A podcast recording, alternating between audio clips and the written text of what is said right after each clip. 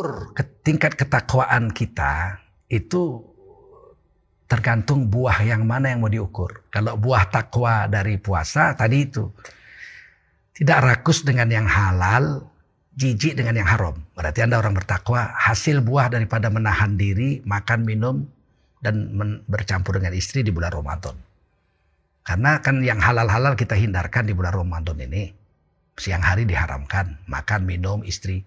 Nah sehingga nanti setelah sebulan, yang halal aja kemarin nggak ku sentuh, apalagi yang haram. Ah ini. Makanya buahnya itu cara mengujinya mudah. Guru saya bercerita kepada saya, nak kalau saya bilang, Atuk saya panggil kakek ya, Atuk kalau Atuk nanti wafat saya cari guru siapa guru saya? Orang alim banyak di Indonesia ini. Apa kata guru saya? Kau kalau cari guru nak, lihat makannya. Kalau gurumu makannya banyak, nggak usah kau ngaji sama dia. Karena nafsu makannya aja dia nggak bisa kuasai. Bagaimana nafsu-nafsu yang lain? Kejahatan itu datangnya lewat makan. Orang yang banyak makan pasti nafsunya besar. Mencuri, koruptor-koruptor itu pasti rakus. Nah, nanti bini orang pun dia ganggu juga. Kenapa? Nafsu makan dia. Dosa ini kan dari mulut. Karena banyak makan. Salah makan yang haram. Orang jadi bejat. Banyak makan, nafsunya jadi berkobar-kobar. Yang paling banyak menjerumuskan manusia ke dalam neraka itu mulut dan kemaluan. Memang berhubungan itu. Mulut dan kemaluan. Nah, oleh karena itu mengukurnya gitu. Udahkah aku bertakwa 30 tahun sudah aku berpuasa setiap tahunnya nggak pernah tinggal. Ya itu aja. Masih jijikkah? Sudah jijikkah kamu dengan yang haram? Sudah. Rakuskah kamu dengan yang halal? Masih rakus. Latih sampai kita jijik dengan yang haram dan tidak lagi rakus dengan yang halal. Nah, ini. Kemudian saya katakan misalnya bersedekah. Ibu saya cerita sama saya, nak sedekah aja nak. Setiap hari apa yang bisa kau berikan dari uangmu, hasil pencarian. SMP saya sudah pandai cari duit. Nulis uh, plat sepeda motor itu. BK271S gitu. Itu dulu yang nulis kan orang. Kalau sekarang kan sudah diambil polisi pakai mesin gitu. Yang dapat duit ya kepolisian. Kalau kalau sampai masuk penjara itu kepala lantasnya itu dulu. Nah, kalau kita kan dulu kita yang nulis dapat 250 rupiah. Sepasang depan belakang dua. Nah itu uang sekolah kalaupun bayar. Kebetulan saya nggak bayar dapat beasiswa. Itu cuma 250 rupiah sebulan. Sedangkan saya dapat uang satu hari 250. Berapa banyaknya duit masa itu kan gitu kan. Kata ibu saya sedekah nak, sedekah nak, sedekah. Ya karena ibu yang nyuruh, saya nurut aja. nggak nanya-nanya juga kenapa harus sedekah. Nah, saya sedekah aja. Terus semakin besar sudah terbiasa lah asal dapat. Rupanya Quran mengatakan gitu. Nah, Anfiqu mimma razaqakumullah. Infakkanlah setiap dapat rezeki. Jadi setiap dapat sedekah. Jangan nunggu. Kalau bawa pulang udah habis. Apalagi udah dipegang istri. Wah kita aja yang minta susah. Gaji kita, gaji kita yang kerja setengah mati banting tulang, kita kasih sama istri, diambil sama dia. Kita mintanya aja susah. Mintalah dulu duitnya mau beli bensin. Nah, kemarin sudah beli kok belum minta lagi. Oh susah. duit kita kita kasih sama istri susah mintanya. Ah, jadi kata Allah itulah hebatnya Quran. Anfiku mimma rozaqakumullah. Infakkanlah setiap dapat. Misalnya saya dokter praktek 10 pasien saya. Satu pasien bayar 250 ribu. Nah 10 itu kan saya bawa duit 2 juta setengah. Yang 10 persen 250 ribu jangan bawa pulang simpan di kantor untuk dibagi-bagikan atau di tengah jalan dibagikan. Kalau udah sampai rumah, tidak akan ada harapan, susah untuk keluar lagi. Nah, kalau setelah besar saya baru tahu kan dalil-dalilnya kan saya ngaji. Saya tanya ibu saya, ibu Umi, dari kecil kok saya disuruh sedekah itu apa sih nak? Umi maksudnya. Padahal saya udah ngaji, udah jadi ustadz juga. Saya umur 16 tahun saya jadi khotib Jumat. Sudah ngajar di Madrasah Ibtidaiyah Muhammadiyah di Tanjung Sari.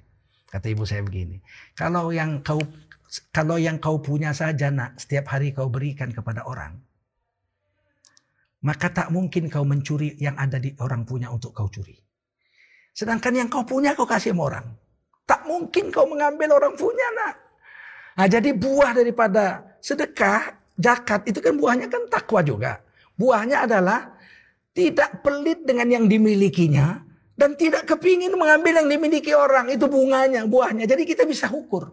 Adakah saya sedekah seumur hidup saya ini saya sudah menjadi orang yang bertakwa? Oh ukur aja dirimu. Adakah kau masih ingin mencuri orang punya? Masih. Kau bukan orang bertakwa dari hasil berjuang bersedekah. Adakah kau masih berat memberikan yang kau punya kepada orang? Masih berat. Kau bukan orang bertakwa. Ukurannya dua juga. Saya, harta saya, saya sudah tidak berat membagikannya kepada orang yang perlu. Anda sudah separuh takwa. Separuh lagi. Masih kepinginkah kamu mengambil harta orang untuk kau tipu, kau curi? Oh tidak kepingin lagi saya. Yang saya punya aja saya bagi. Anda orang bertakwa. Dari buah latihan bersedekah dan infak.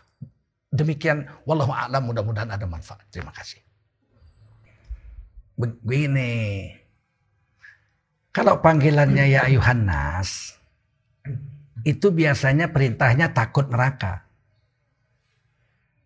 Kalau panggilannya ya ayyuhalladzina amanu, biasanya mengamalkan agama untuk mendapatkan pahala. Nah, jadi bisnis, bisnis, bis, bisnis. Sama Allah tuh bisnis. Panggilan tuh ada tiga di Quran. Pertama ya ayuhan nas, hai manusia. Mestinya itu ayatnya apa? Takutlah kamu pada neraka. Misalnya dalam surah Al-Baqarah ayat 15. Ya ayuhan nasu ubudu rabb Rabbakumul ladzi khalaqakum walladzina min qablikum la'allakum tattaqun. Hai manusia, sembahlah Tuhanmu yang telah menjadikan kamu dan menjadikan orang sebelum kamu. Mudah-mudahan kelak kamu akan menjadi orang bertakwa. Tapi masih jauh. Ayatnya kan terus alladzi ja'ala lakumul arda firasya was samaa binaa. Di bawahnya apa? Fattakun nar. Takutlah kamu, takutlah kamu kepada neraka. Fattakun nar allati waquduhan nasu wal hijarah. Uiddat lil kafirin. Hai manusia, takutlah kamu kepada neraka yang bahan bakarnya adalah manusia dan batu. Yang disediakan Allah, dijanjikan Allah neraka itu untuk orang-orang yang kafir. Nah, jadi ya ayuhan nas itu satu tingkat di atas kafir. Disuruh takut neraka. Jadi beramal takut neraka itu tingkatnya ya ayuhan nas. Kita ini kadang-kadang belum.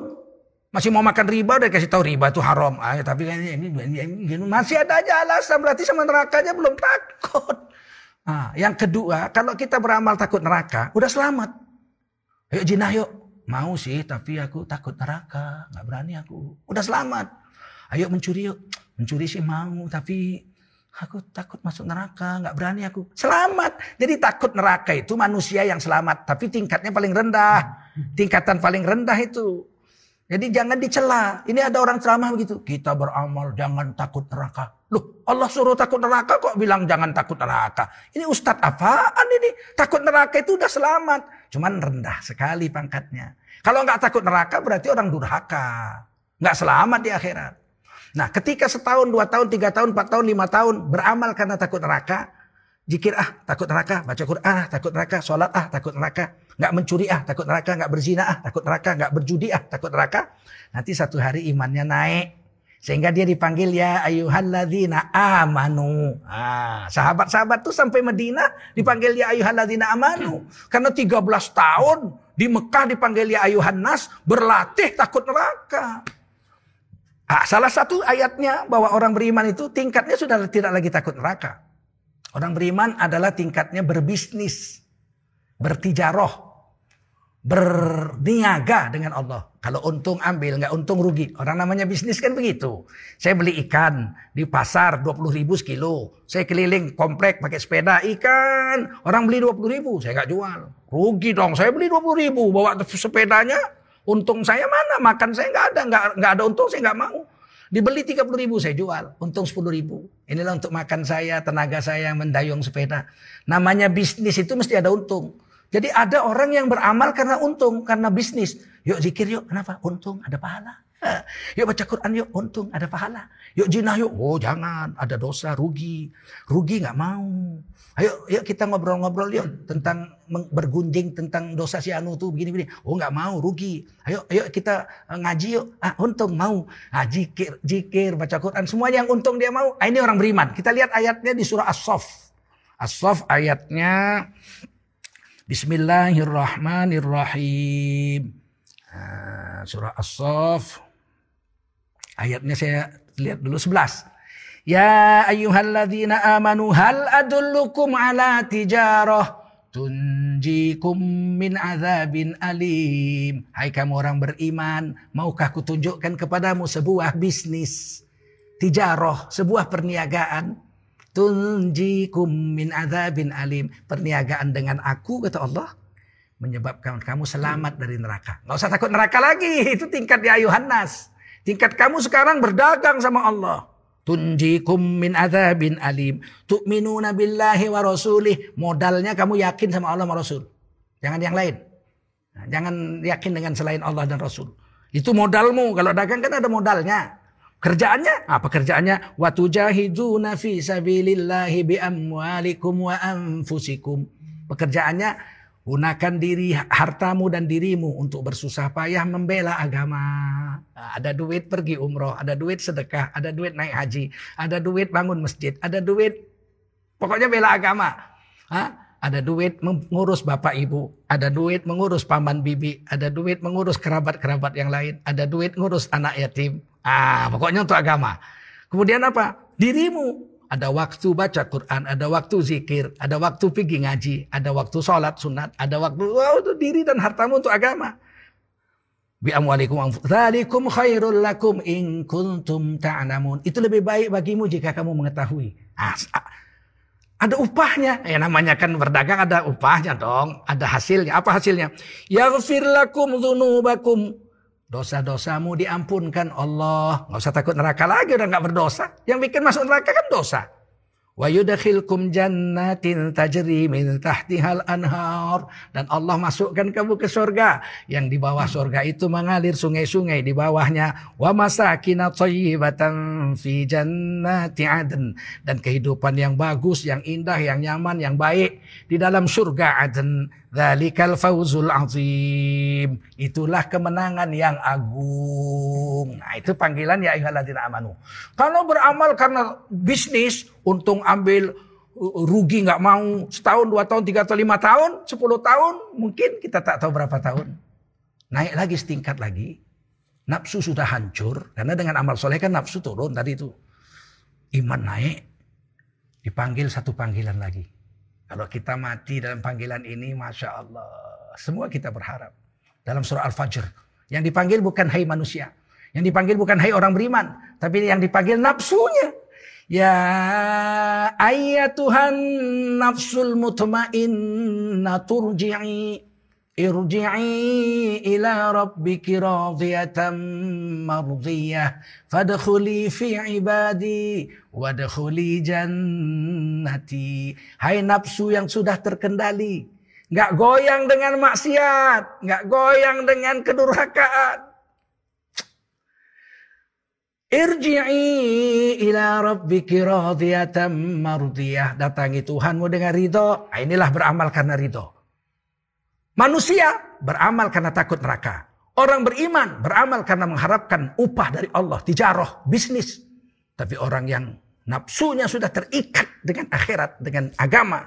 Dia beramal karena ridho kepada Allah dan dia diridhoi. Fadukhudi fi ibadi. Berkumpullah kamu sesama hamba-hambamu yang soleh-soleh. Hamba-hamba Allah yang soleh-soleh. Hei berkawan sama orang soleh. Jangan berkawan sama orang bejat. Jangan bela orang kafir. Bela agamamu. Bela umat Islammu. Hmm, belanja kau sama tetanggamu. Hmm, uangmu jangan mengalir ke tempat yang lain.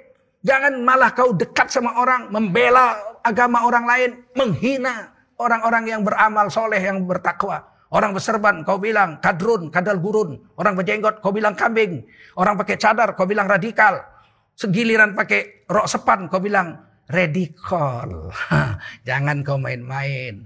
Berkabunglah kamu bersama hamba-hamba kata Allah. Wadakhuli jannati. Masuklah ke dalam surgaku. Jadi orang yang disuruh masuk surga bukan tidak dipanggil ya ayuhan nas. Eh manusia masuk surga. Nggak ada ayatnya. Hai kamu orang beriman masuklah kamu ke surga. Nggak ada ayatnya. Kalau masuk surga ini panggil nafsunya. Hanya orang yang nafsul mutmainnah saja yang dipanggil masuk surga. Kalau manusia dipanggil hei manusia, dipanggil orang beriman, kamu baru boleh masuk surga kalau sudah ditimbang amal. Fa'amma man sakulat mawazinuhu fahuwa.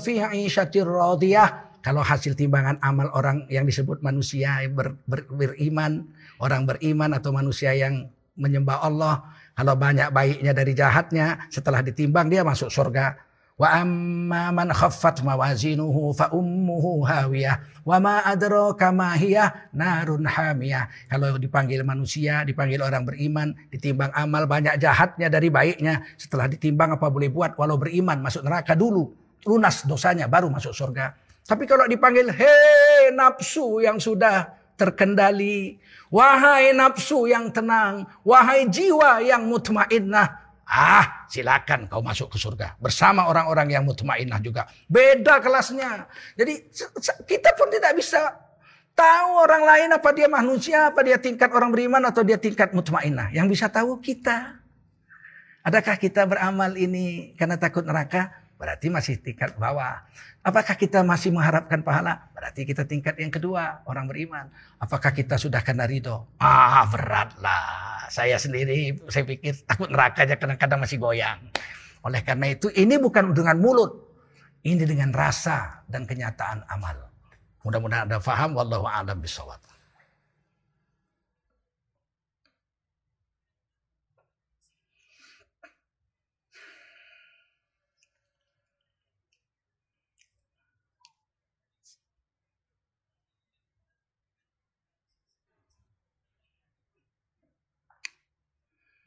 Terima kasih Ustaz.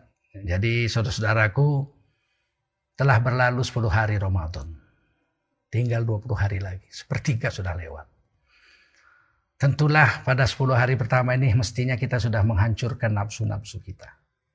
Dengan kita berpuasa dan sederhana. Bukaan sederhana. Makan sederhana. Saya di COVID-19 ini semakin terasa. Ada kawan-kawan yang berkata kepada saya, saya sudah 10 hari buka dengan Indomie aja Ustaz. Sahur dengan Indomie saja, ya Allah. Tapi tetangga saya ada yang sudah minum air dua hari Ustaz katanya. Ya Allah, makan pun tak ada lagi. Oleh karena itu, memang untuk dunia ini kita harus melihat ke bawah lah. Ya, bahwa apa yang kita alami susah ini banyak yang lebih susah dari kita. Tapi kalau untuk akhirat memang kita harus melihat ke atas. Saya baca Quran sudah 10 hari, sudah 10 juz. Ada orang yang sudah tiga kali khatam 10 hari ini. Ya Allah, ternyata saya tidak ada apa-apanya. Nah, ini kan bulan latihan ini. Ramadan ini kan bulan latihan. Karena ini bulan latihan, satu-satunya bulan yang namanya disebut itu cuma bulan Ramadan di Quran. Ramadan Syahrul Ramadan alladzi unzila fihi al-Quran. Bulan Ramadan itu adalah bulan yang di mana di dalamnya turunkan Quran. Disebut syahrul Ramadan. Sementara bulan yang lain Muharram, Sofar, Rabiul Awal, Rabiul Akhir, Jumadil Awal, Jumadil Akhir, Rajab, Sya'ban, Zulhijjah, Zulkaidah, Jul nggak disebut. Kenapa Ramadan sebut? Ini karena istimewa. Nggak mungkin Quran menyebut kalau nggak istimewa. Fir'aun disebut Quran karena dia istimewa. Manusia paling bejat yang ngaku Tuhan. Iblis saja nggak ngaku Tuhan, manggil Tuhan ya Robbi, wahai Tuhanku, kata Iblis. Fir'aun lebih parah dari Iblis. Tulis di Quran. Oleh karena itu di bulan ini tidak ada bulan yang sama dengan ini. Kalau kita lo, nggak lolos latihan bulan Ramadan ini tahun ini, nunggu tahun depan kalau masih hidup. Kawan saya yang setahun ini wafat mungkin sudah ada 60 orang. Yang kemarin Ramadan bersama-sama dengan saya, tahun ini sudah wafat. Sahabat akrab saya, orang alim di Medan, kemarin wafat. Profesor Dr. Ramli Abdul Wahid, ahli hadis, dosen IAIN. Kami hampir sebaya saja. Beliau wafat. Nah, jadi kita tidak tahu. Oleh karena itu jangan biarkan hari Ramadan, saat Ramadan, detik Ramadan berlalu tanpa kita meregu sebanyak-banyaknya hikmah agar kita berubah menjadi orang bertakwa. Kita tutup Subhanallah bihamdihi subhanakallahumma wa bihamdika asyhadu an la ilaha illa anta astaghfiruka wa atubu ilaik. Allahumma shalli ala nabiyyina Muhammadin wa ala alihi wa sahbihi ajma'in. Allahumma ighfir lana dhunubana wa liwalidina warhamhum kama rabbawna shighara wa li jami'il muslimina wal muslimat wal mu'minina wal mu'minat bi rahmatika ya arhamar rahimin. Allahumma khtim lana bi husnil khatimah wa la takhtim alaina khatimah. اللهم انصرنا فإنك خير الناصرين واهدنا سبل السلام من سنة نبينا محمد صلى الله عليه وسلم واختم لنا بحسن الخاتمة ولا تختم علينا بالسوء الخاتمة اللهم إنا نسألك الهدى والتقى والعفاف والغنى وتقبل منا صيامنا يا أرحم الراحمين وتمم تقشيرنا يا أرحم الراحمين ربنا آتنا في الدنيا حسنة وفي الآخرة حسنة وقنا عذاب النار وصلى الله وسلم على نبينا محمد النبي الأمي وعلى آله وصحبه أجمعين سبحان ربك رب العزة عما يصفون وسلام على المرسلين والحمد لله رب العالمين تقبل الله منكم والسلام عليكم ورحمة الله وبركاته